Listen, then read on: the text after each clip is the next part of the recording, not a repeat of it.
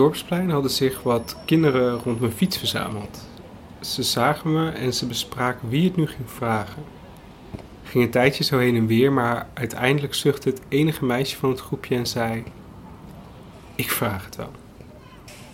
Ze liep op me af en vroeg: Meneer, waarom bent u hier? Dus ik zei dat ik op bezoek ging bij mijn ouders, want dat was gemakkelijker dan zeggen dat ik naar het kerkhof kwam om te kijken hoe oud die nicht van mijn moeder was toen ze zelfmoord pleegde.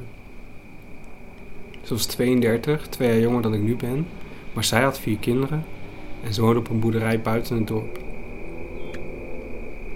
Ze hadden er melkvee, koeien met uiers te dik om te dragen, de geur van gier op het land, een keuken met een kapotte hoor, een plakstrip vol langzaam stervende vliegen boven de eettafel en de gedachte dat je naar de hel ging als je er zelf mee ophield.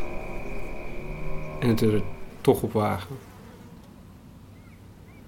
Kinderen op het dorpsplein zeiden dat ze mijn fiets mooi vonden. Ik liet ze zien dat je hem op en weer uit kon vouwen. En zoiets hadden ze nog nooit gezien.